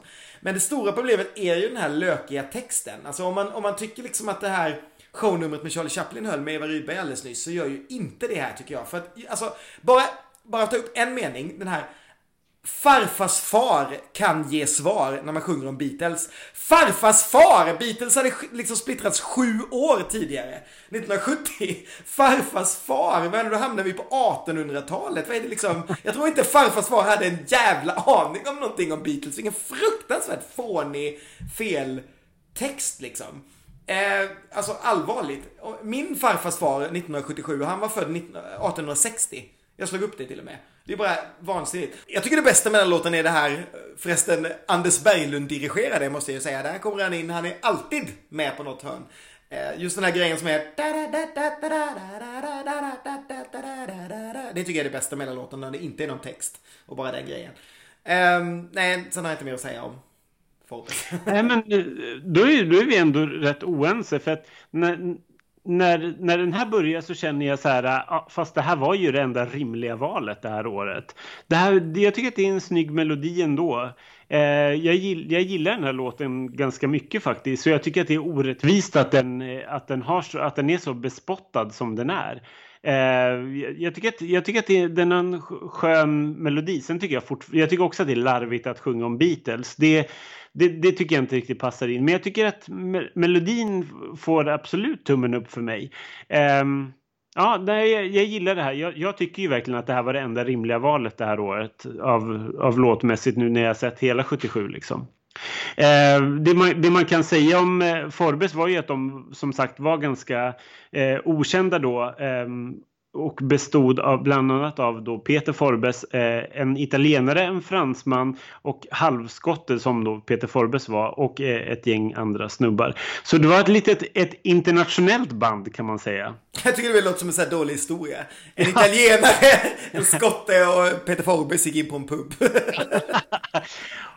Och ut kom bara Eva Rydberg.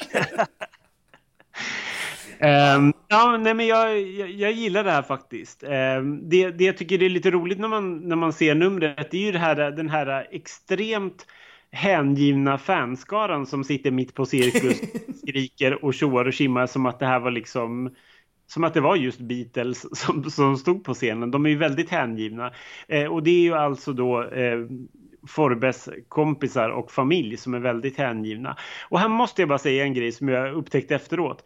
Hör du att de skriker någonting? Ja, på slutet skriker någonting, men jag hör inte vad de skriker. Nej, men då kan jag berätta. De, de skriker Feel my snabel.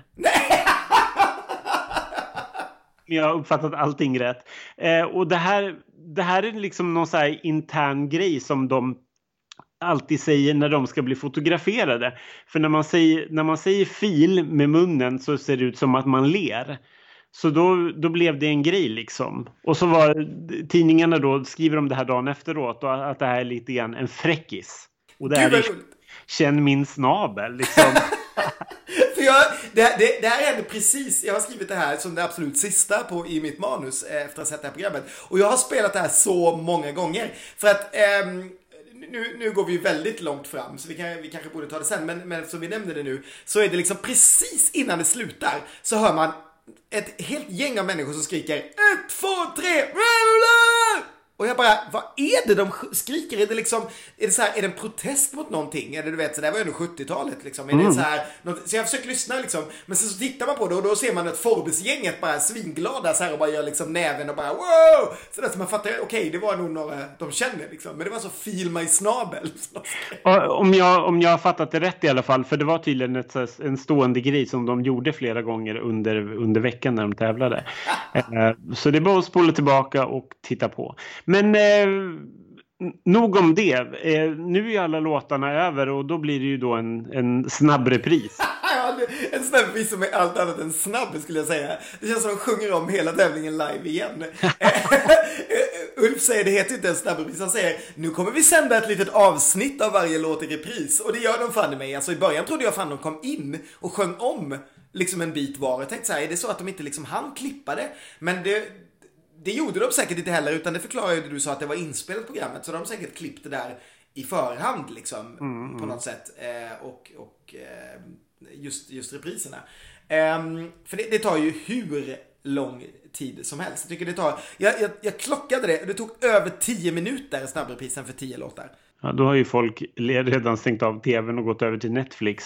Ja, precis. Eh, och, och för att fylla på det statementet så är det ju att sen säger eh, Ulf, ja det är ju lite tid kvar till Aktuellt så då får ni lyssna på några svenska representanter i Eurovisionsslagen. Och så spelar orkestern lite random vinnarbidrag och du kan ju gissa ungefär vilka det är. Ja, det är Waterloo och Jenny Jenny och Sommaren som aldrig säger nej. Ja, jättetråkigt också just den här grejen att det blir så här instrumentalversioner. Det är så här B-sidan på gamla singlar. Att det är liksom instrumentalt men att kören sjunger refrängen. Doorna. Doorna, precis. Sångfåglarna som jag tror att Ulf presenterar dem som i det här eh, programmet. Sånglärkorna. Sånglärkorna, precis. ah, sjukt. Ja, och sen så är det då tydligen aktuellt, ett litet hack här i, och sen kommer det tillbaka. Och vad händer då? Jo, då är det en ännu längre snabbrepris. Den är ännu längre än 10 minuter, den andra snabbreprisen. Det är ju bara helt fantastiskt. Eh, som kommer tillbaka efteråt. Och sen så kommer omröstningen. Och vad är det, det, är det någonting som slår dig som är väldigt ovanligt med den här omröstningen? Eller i alla fall någonting som inte jag har sett senare? Eh. Ja, det är ju att man, att man avlämnar rösterna i den ordningen som låtarna har framförts. Så ska, om melodi nummer ett då ska ha sju poäng, då får den sju poäng. Och sen så med melodi nummer sju, 12 poäng. Och du vet, på ett sätt så kan jag tycka att det här är så här, jag blev så här glad för att det blir så befriande tycker jag när man är så van vid att se det på, ett- på det andra sättet att man börjar melodi nummer eh, sju, ett poäng, två poäng och så vidare och så bygger man upp till 12. Så det är, jag tycker att det här var så här härligt att helt plötsligt så kommer liksom, har de gjort av med så här 12, 10, 8 och så bara ett poäng. Som tur var var det ju inte så. Nu fick ju Forbes som då låg längst ner väldigt höga poäng. Eh, så det, det var ju rätt skönt och kul för dem. Men det hade ju kunnat bli liksom så att det var liksom trean och 3, 2, 1 liksom mot slutet. Eh, ja, för, för så är det ju att eh, Forbes får första tolvan. Ett stort jubel när Luleå har gett sina poäng. Eh, och sen är det faktiskt efter andra gruppen som är Falun, då är det enda gången under tävlingen som inte Forbes leder. För då är det så att Johan B Lund eh, får tolvan och de, han fick en åtta innan Svante och eh, Forbes får då en sjua av Falun. Och det gör att, att han leder med ett poäng. Men sen eh, efter tolvan från Luleå så får han en etta från Karlstad. Eh, vår vän Svante Turesson medan eh, Beatles då får en tia. Och sen efter det så ligger de ju, sen bara rasar din in tolvor skulle jag säga mot slutet. Så att det är liksom aldrig någon fråga om vem som ska vinna det här. Nej, precis. Karlstad, med Ulf Schenkman i spetsen är ju kända då för att, för att sätta käppar i hjulet för diverse vinnare. Jag vill, om jag inte minns helt fel så var det de som sänkte namnen 2005. Eh, men, men det är en helt annan historia. Det är ju rätt imponerande ändå måste jag säga att eh, för en så utskälld vinnare så fick ju eh, Forbes då sju stycken tolver av elva möjliga. Ja, jag vet. De, de är ju helt överlägsna. Sen är det ju väldigt tajt efter. I början är ju i början är det väldigt tajt. I början är ju fem låtar. Då, då, då är faktiskt även Trädets rot med och slåss i toppen. Vilket är väldigt roligt. Eh, och Minster Hollywood. Men, men Minster Hollywood faller lite oförtjänt bort. Eh, men sen blir det ju väldigt, väldigt jämnt mellan tvåan, trean och fyran. Men däremot är det ju aldrig någon tvekan om vilken låt det är som ska vinna. Liksom. Eh, och, och det, det ska väl säga också att eh, vi kan väl hoppa ändå till slut. Det, det är ju inte, alltså, det är inte så spännande omröstning att, att prata om eller? För de leder ju- sakta iväg. Och det här gr- green room är ju då alltså någon sorts rulltrappa, eller inte, inte rulltrappa, en trappa på hjul. Där alla sitter och Forbe sitter längst fram och så sitter liksom alla artister och trängs i den här trappan. Eh, och det gör de, visade sig sen mot slutet, för att sen ska alla försvinna och så ska de rulla in den här trappan av någon anledning med dem på. Jättekonstigt.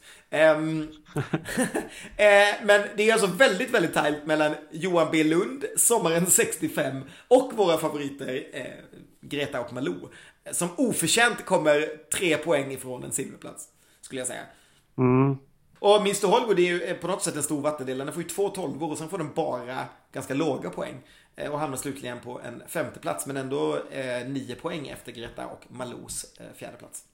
Ja, men, ja, men precis. Vi kan säga att det både var wah, wah, wah. Nej, nej, nej, nej, nej. Ja, alltså så vinner ju Beatles och det här, det här är också liksom, alltså, sen utspelade det sig så mycket så jag vet inte riktigt var jag ska börja. Det är så här, för det första tar det aldrig slut. Det tar aldrig slut, det här programmet. Det bara fortsätter, alltså de är ju redan klara, de borde ju bara avslutat det, men det fortsätter liksom i vad som känns 20 minuter till. Nu är det inte så länge, men det känns väldigt, väldigt länge. Och det, gör, det som gör det att det blir så långt är att de tar in vinnarna, de rullar in den där trappan som jag pratade om, liksom till Eurovision-hymnen, bla bla bla. Och så är det intervju eh, med den här käcka frågan, vad är det som gör den här låten till en segrare? Och så får de svaret från Forbes, ja vi kanske tror att det är för att Beatles är en grupp och vi är också en grupp. Ja, jättebra svar. Eh, och sen kommer Anders Bagges pappa in eh, och sådär. Ja, gud förresten, Anders Bagges pappa ser så 70-tal ut. Han har så här stickad tröja. Han är också så här posterboy för eh, 70-talet. Och så sjunger de väl låten och sen så tar de väl in tvåan och låtskrivaren och ska ge dem ett pris. Och sen ska de ta in liksom trean och låtskrivare och ge dem ett pris. Så man bara, det kanske ni inte hade behövt göra här liksom. Dela ut silvermedaljer och Det sådär. här, är, ju- det här är ju helt obegripligt. De får ju, de får ju en check av, eh, av Sveriges Radio då. Så att låtskri, låtskrivarna då för, eh, för vinnaren fick 1000 kronor. Vad de, andra, vad de andra får i summa, det vet jag inte, för det säger de tyvärr aldrig, vilket jag var väldigt nyfiken på. Eh, men, men jag håller helt med, det pågår ju i all evighet liksom när, när Svante och hans låtskrivare ska komma in och få check och diplom.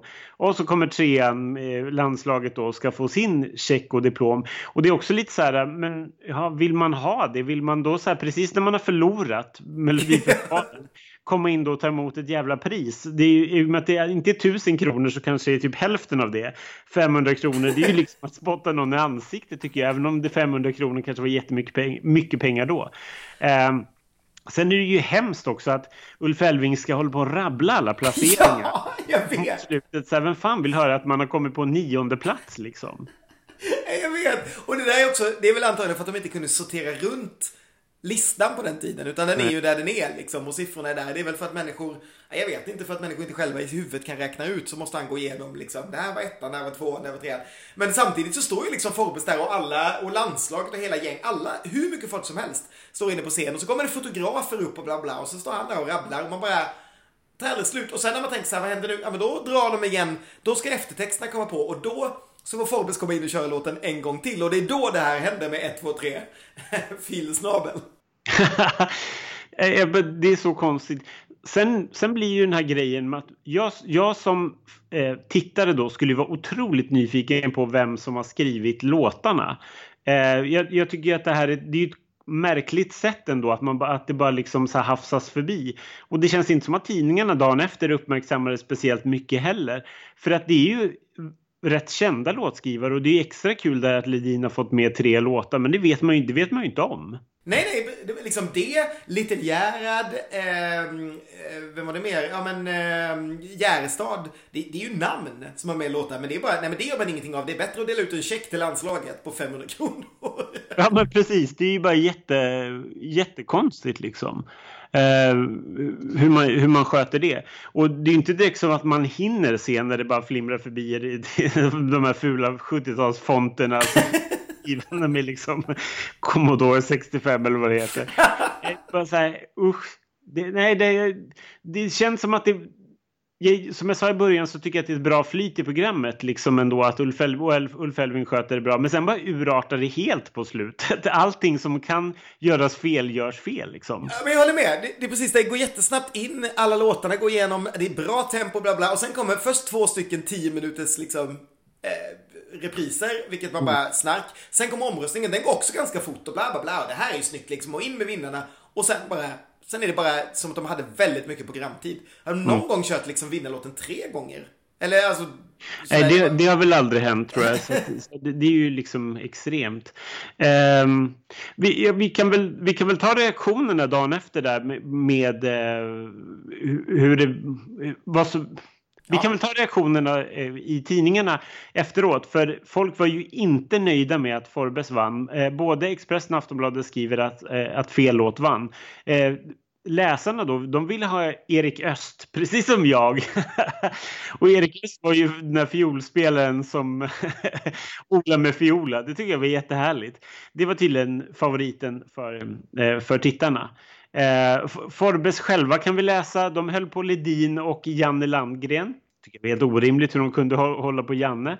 Eh, och sen kunde man även läsa att Forbes skulle då, det skulle satsas väldigt mycket på dem. Eh, skiv, deras skiva skulle inte bara släppas i Europa utan även i Brasilien, Israel och Australien. Eh, och där, de här orden kom då från Sven-Olof Bagge som tidigare har legat bakom Family Force båda vinnarlåtar och Sommaren som aldrig säger nej. Så han var ju lite grann den här tidens Bert Karlsson kan man väl säga på något sätt. Mm.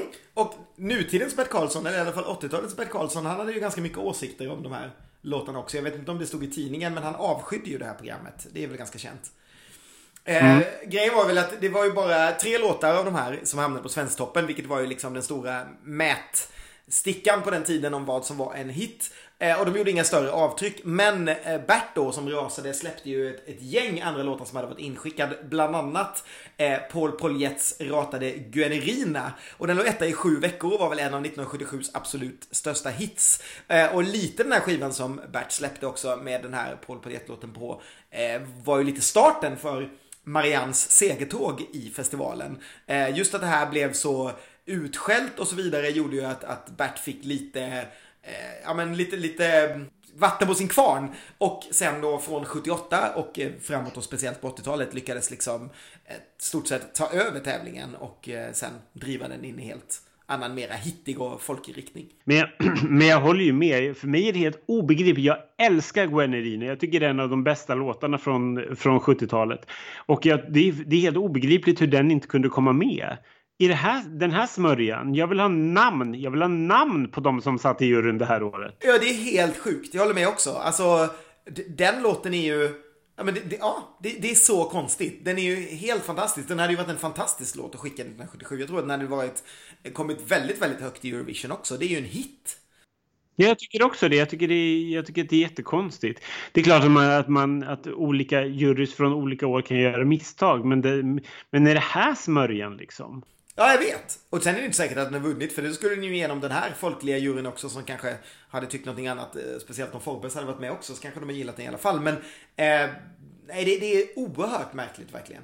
Jätte, jättekonstigt. Eh, och det, det finns ju då som sagt en hel skiva med bidrag som Bert hade skickat in. Eh, där mycket är, är bättre. Din sång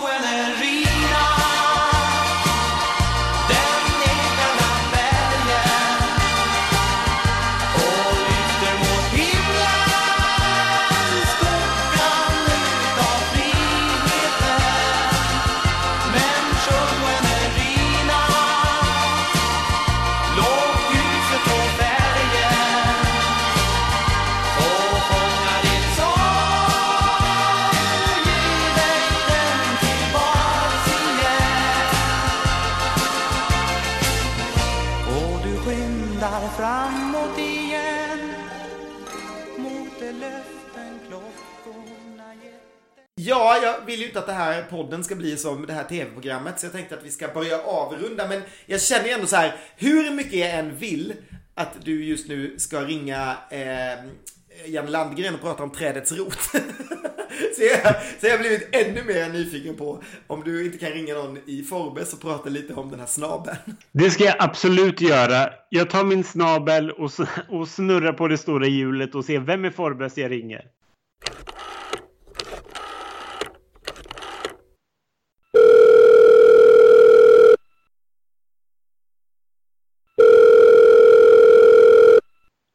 Ja, det är Peter.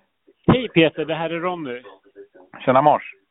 Du, jag tänkte bara, ni kom ju för- lite grann från, från ingenstans. Ni hade funnits i ett år när ni var med Melodifestivalen 1977. Hur kom det sig att ni var med? Ja, det var våran, alltså, du vet ju vem Anders Bagge är? Ja. Hans pappa. Han var ju musikförläggare på Multiton, alltså Metronom, Mm. skivbolaget. Han upptäckte oss på en nattklubb i Stockholm. Han tyckte vi var bra och så vi fick skivkontrakt. Och eh, då hade vi en låt som inte hette Beatles utan den hette ett annat engelskt. Det hette, hette Love Can Start In This Old Way tror jag den hette. Okej. i original. Och sen skrev han en svensk text, Sven-Olof Bagge då. Mm. Så han skrev Beatles-texten. Och tyckte han att den var, alltså att låten var jävligt bra tyckte att vi skulle spela in den då. Jag var jävligt skeptisk till att sjunga om Beatles måste jag ju säga. Ja, du var det. Ja, jag tyckte inte det var någon höjdare. Det tror jag inte någon av oss tyckte. Men eh, vad fan, vi var ju... Alltså skulle vi börja bråka med det och kanske inte ha ett skivkontrakt va? Man gör inte det liksom. Så att, det, men det var vad vi tyckte. Vi tyckte att texten var inget kul liksom. Vi hade mycket bättre text själva på engelska tyckte vi. Men, eh, men så var det i varje fall. Och sen, hade han, sen fick han in den här Melodifestivalen. Och jag menar, Sven-Olof Bagge, han var ju väldigt respekterad i branschen liksom. Så att vi visste ju det.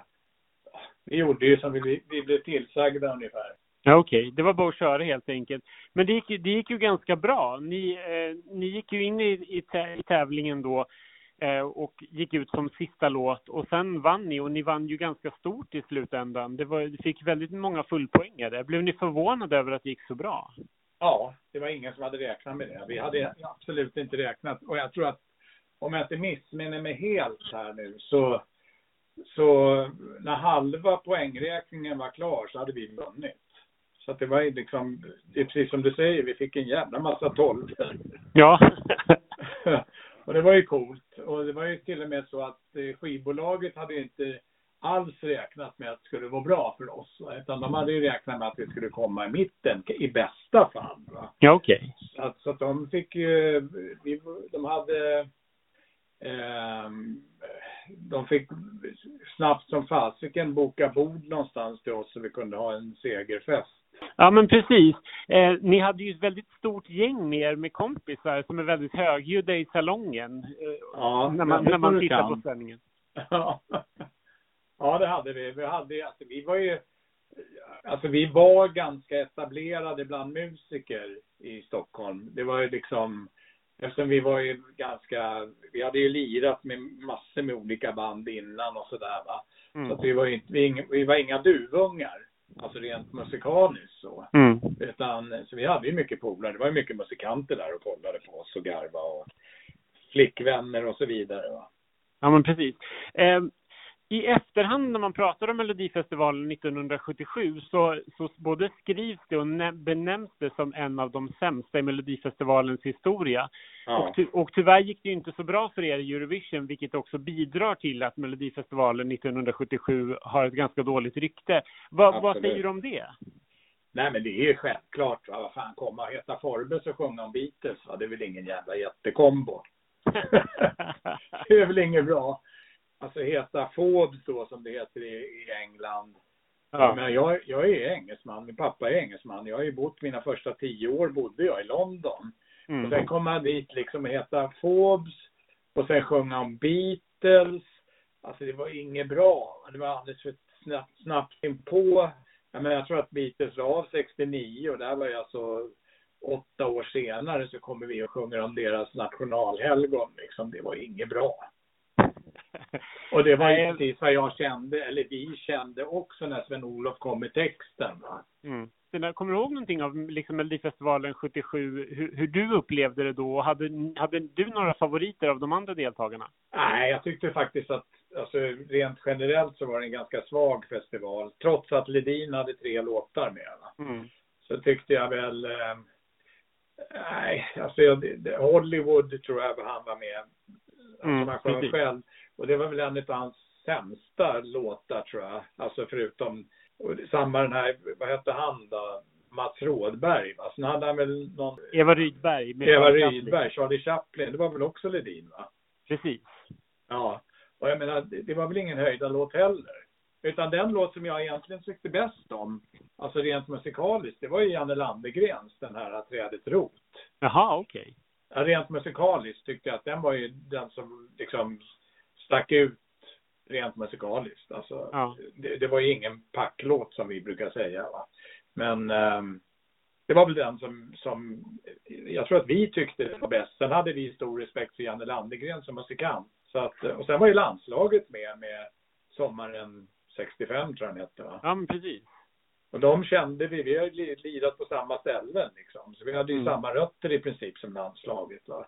Så att de hade vi ju följt, ja vi var ju polare. Mm. Ni, ni är ute och spelar fortfarande? Ja, vi har lagt av nu. Mer Okej. eller mindre. Vi höll på till för två år sedan. Och eh, då gjorde jag, gjorde nog mitt, ja, jag ska inte säga att sista, men alltså vad fan, det, det blir ju patetiskt att åka runt när vi tittar på en gammal gubbe. Liksom. Vi jobbade mycket, vi lirade mycket på båtarna i, alltså de här uh, Finlandsbåtarna, Ålandsbåtarna lirade vi ganska mycket på. Alltså hela musikbranschen har i princip stagnerat va, för den typen av musik som vi lirar. Och jag menar Ja. gagemässigt så är det ingen idé att åka ut längre för gagerna slutade ju stiga på 80-talet. Va. Dessutom så är alltså med ålders rätt va, så har man ju tröttnat på att lira låtar som, som folk kräver liksom. Jag menar Living Next Door to Alice i all ära va, men det är kul att lira den. Nej, det är sant. Du, jag måste, jag måste avsluta med att fråga. Eh, det fanns en ramsa på den här tiden och som jag tror hörs i sändningen. Stämmer det? Ja, det gör det. Feel Ja, det- my snabel. Ja, Snabel, ja absolut. Det var... Ja. den var lite rolig. Vi har en dekal där. Den är, alltså, ja, den är, det är roligt. Det var en trummis som jag lirade med ett band som heter Humlor och Bin som jag var med i innan. Ja. Eh, Forbes-tiden innan jag bildade Forbes. Och det var, jag tror att det var han som myntade uttrycket eh, och eh, han gjorde mycket sådana där konstiga grejer. Men vi tryckte, vi hade en klubb som hette Feel My Snable-klubben och vi höll till på Malmen, Klubb Malmen då på 70-talet.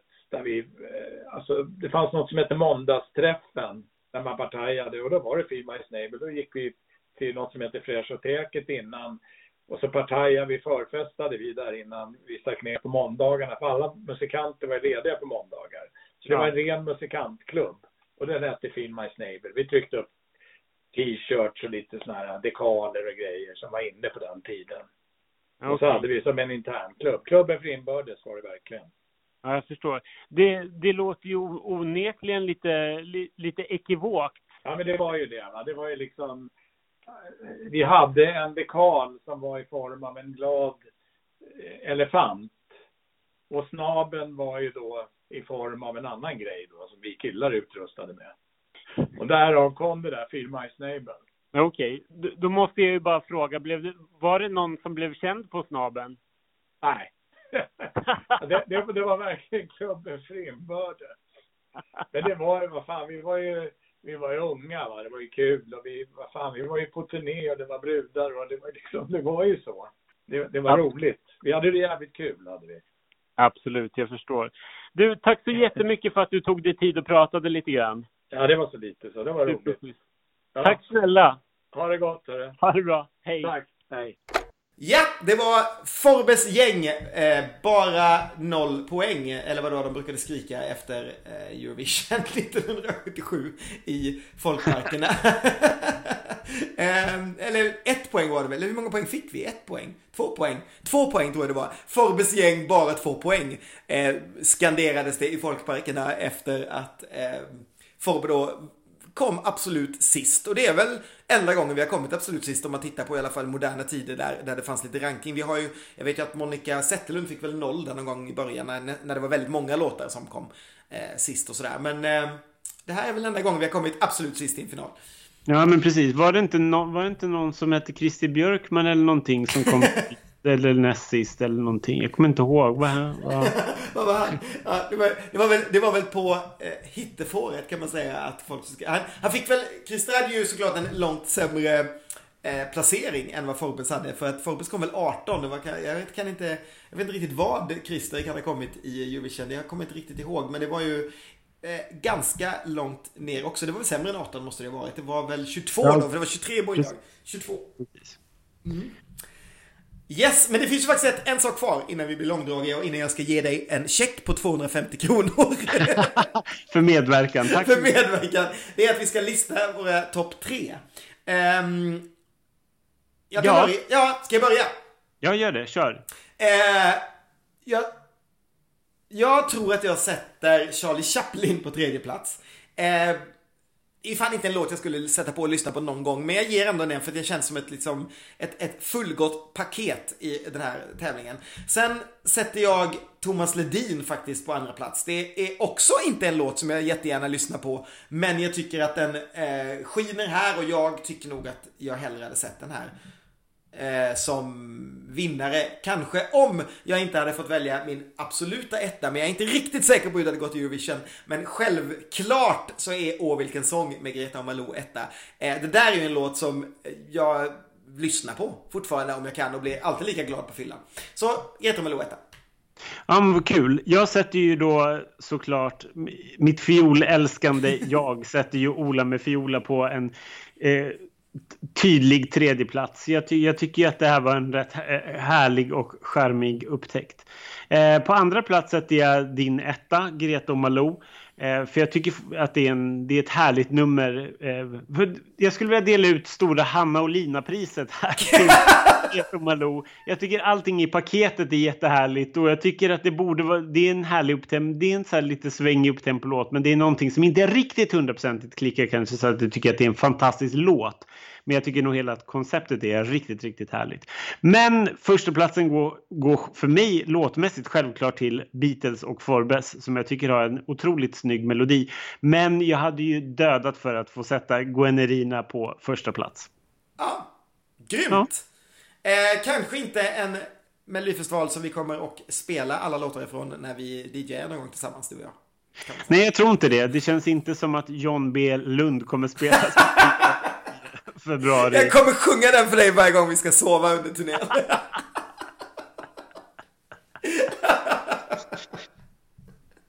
Väsa den lite sexigt med min jazzröst i ditt öra. Usch vad hemskt. Men jag, men jag kommer bara le och säga Ken, du är det bästa som finns.